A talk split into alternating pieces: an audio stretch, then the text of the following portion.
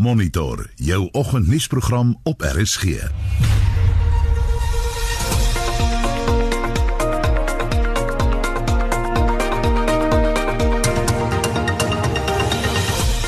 vanoggend se program vanaf die Toyota US Woordfees, 'n nuwe afvalwatersuiweringsaanleg word op Stellenbosch bekend gestel. Inwoners van Langebaan nader die hof oor 'n beplande akwakultuur ontwikkelingsone in die gebied.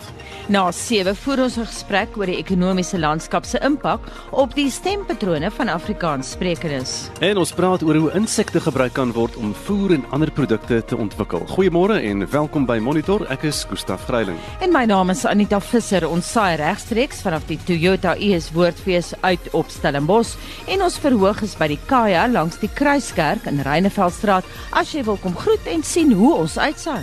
Reis en verblyf vir hierdie uitsending is moontlik gemaak deur die Universiteit Stellenbosch sonder dat redaksionele be beleid beïnvloed word.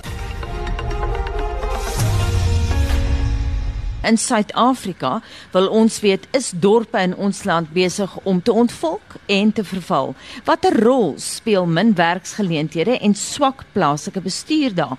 Ons praat veraloggend hieroor met 'n kenner in stedelike en toerisme geografie verbonde aan die Universiteit van Stellenbosch, professor Ronnie Donaldson. Goeiemôre Ronnie. Goeiemôre Anita. Hoekom verval en ontvolk ons dorpe?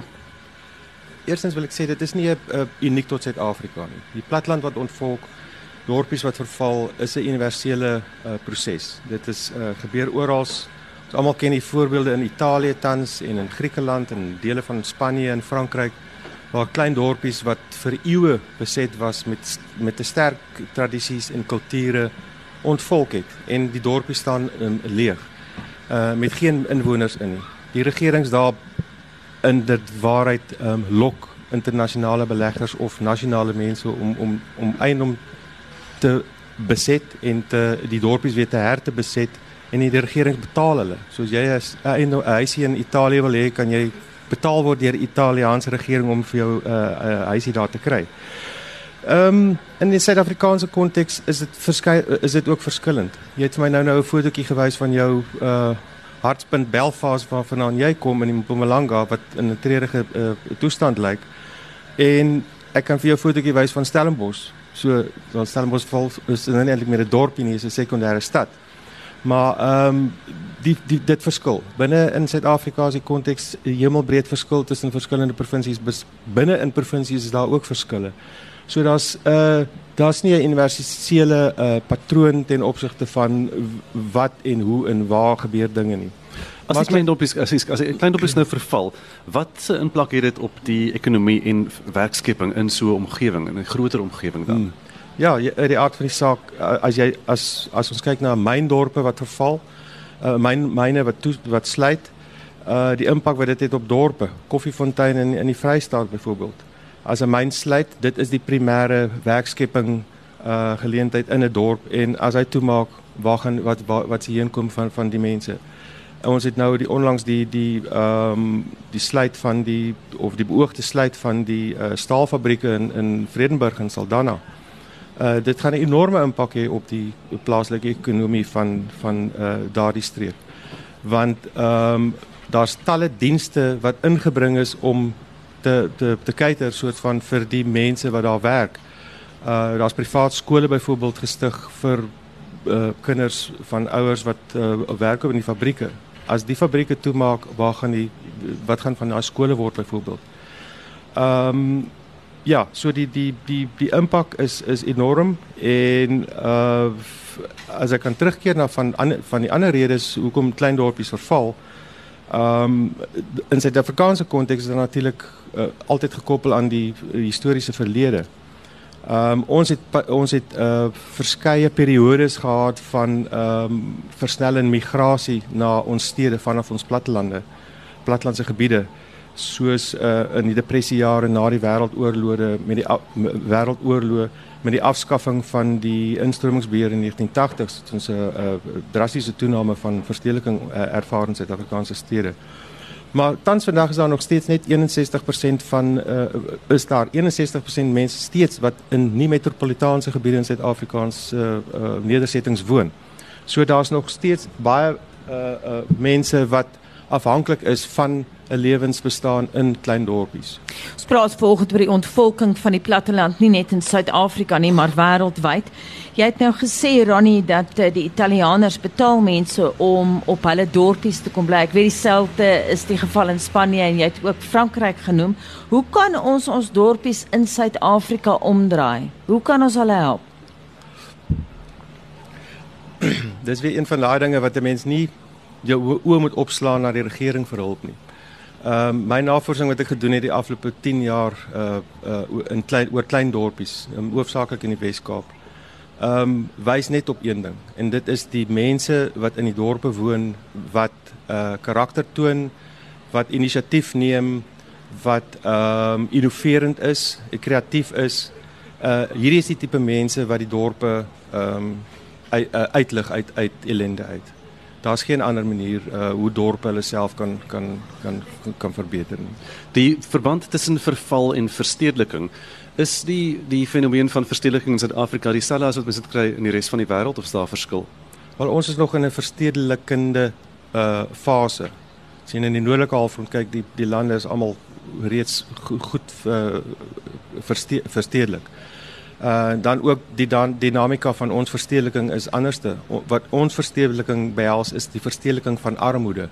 So ons die mense wat invloei na ons stede is arme mense en uh maar daar is 'n proses van teenverstedeliking wat plaasvind tot op op 'n kleiner skaal en dit is dan nou weer jou kreatiewe klas mense, die creative class. Kreatiewe klas mense wat van die stede af weer terugtrek na die klein dorpies toe. En dit is hierdie mense wat die wat die inspuitings veroorsaak en wat die kreatiwiteit bring na die dorpe.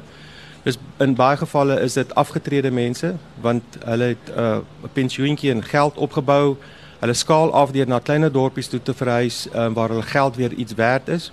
En hulle ploeg dan nou weer terug in die gemeenskappe met die kennisse wat hulle opgebou het oor al die jare waar waar hulle ook al gewerk het. So baie mense begin 'n tweede beroep, byvoorbeeld selfs 'n derde beroep in die, in die klein dorpies. So teenmigrasie is tog ook 'n uh, uh, positief. So daar is hoop. Ja. So sê professor Ronnie Donaldson, hy's 'n geografiekenner verbonde aan die Universiteit van Stellenbosch. Dis nou 10 voor 7. En die Stellenbosch plaaslike munisipaliteit het net verlede week sy splinternuwe afvalwatersuiweringsaanleg bekend gestel.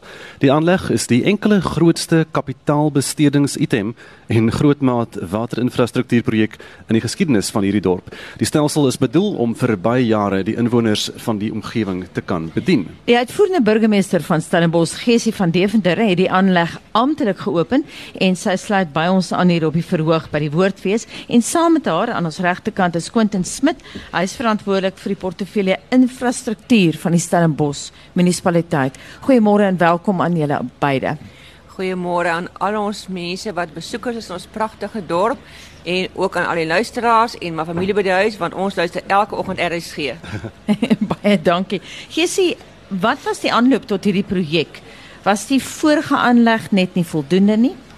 Ja, maar mag ek daarom eers net sê die boodskap van professor Donaldson uh, mag mense dalk verkeerd verstaan. Ek hoop die foto van Stellenbosch gaan wys dat die strate is heel, die ligte werk, die strate is skoon, daar selfs blomme in die strate. Stellenbosch is nie vervalle nie.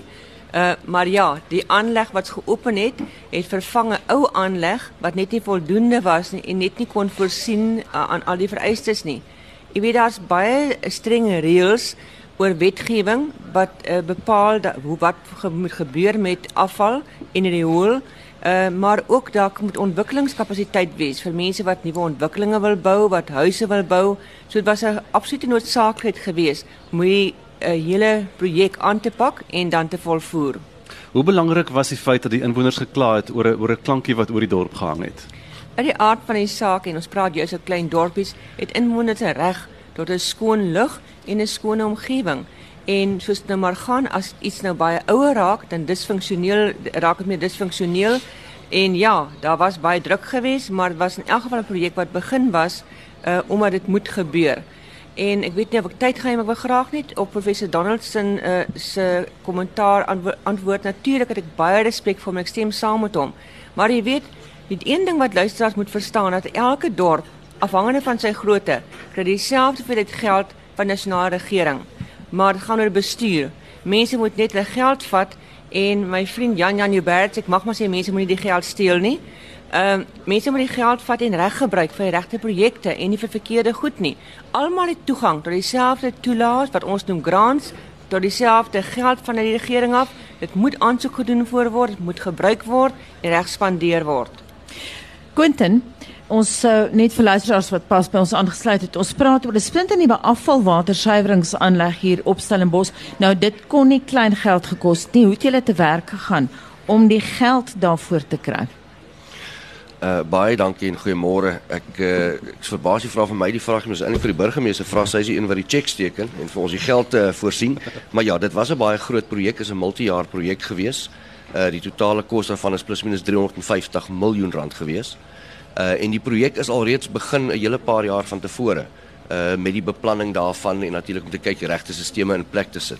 'n Gedeelte van die befondsing uh was vir ons gegee deur die provinsiale regering en dan het ons ook uh, as 'n munisipaliteit 'n uh, groot gedeelte daarvan bygedra wat ons deur uh, sekere eksterne uh, lenings ensovoorts bygedra het en ook uit ons eie kapitale reserves uit gehaal het. So ehm um, ja, ek dink 350 miljoen vir 'n uh, daai hmm. tipe projek uh, is 'n baie groot projek. Uh soos ek weer eens sê, multi-jaar projek gewees en uh ja, ek dink ons ons moet regtig waar dit dis 'n baie innoverende konsep gewees en ek dink ons moet werklik waar vir die plaaslike regering hier op Stellenbosch sê dankie vir hulle bereidwilligheid uh, om daardie geld beskikbaar vir ons te stel om dit te kon doen. Quentin gaan hierdie aanleg 'n hele paar jaar hou. 'n Tydelike beraming enigiets tussen 35 tot 45 jaar uh, wat ons nou in die toekoms kan inkyk. Uh, maar dit sal natuurlik bepaal van ontwikkelinge en en hoe groot ons dorp groei. Uh, een van die probleme wat ons tans het, uh, wat ek en die burgemeester heiliglik mee besig is ook as 'n projek is dat die 20 sensus het aangedui dat daar's 175000 mense op Stellenbosch. Maar daai sensusbedrag neem nie die studente in ag. So ons sit met 'n studente 'n fakulteit van meer as 30000 studente wat nie in ag geneem word daarvoor nie. So met ander woorde ons kapasiteit op Stellenbosch kan ons nie baseer op 175000 nie. Ons moet kyk die studente ook inbring en as ook ontwikkelinge wat buite die dorp begin plaasvind. So ja. Geef ons meer besonderhede oor die aanleg. Wat maak hierdie aanleg uniek in Suid-Afrika? Bestaan daar soortgelyke aanlegte op ander dorpe? Uh sover as wat die die een van die baie spesifieke konsepte rondom die hele uh aanleg is dat hy ten volle geautomatiseer. So uh, en ons by die opening het ek vir die burgemeester gesê dit voel asof jy werklik waar as jy by die aanleg instap jy sou nie glo dis 'n riool aanleg nie want die die hele rekenaarstelsels wat daar is dis heeltemal geautomatiseer wat dit uh, baie uniek maak en dan ook maak ons uh, gebruik van 'n uh, filtrasiesisteem wat 'n uh, biologiese membraan het. Uh, en die spesifieke membraan is heiliglik die grootste in Suid-Afrika. Uh en heel moontlik in Afrika reken hulle. Uh so ja, dis absoluut innoverende en nuwe tegnologie wat ons gebruik het. Uh die kapasiteit tans is 35 megaliter per dag. Ehm um, so ja, ons so die kapasiteit het eh, met 60-70% gegroei. Uh, en natuurlik die tegnologie wat daar deel vorm van die hele projek is absoluut innoverend en 'n uh, eerste vir ons ja. Hoe werk hierdie membraan? Wat doen hy?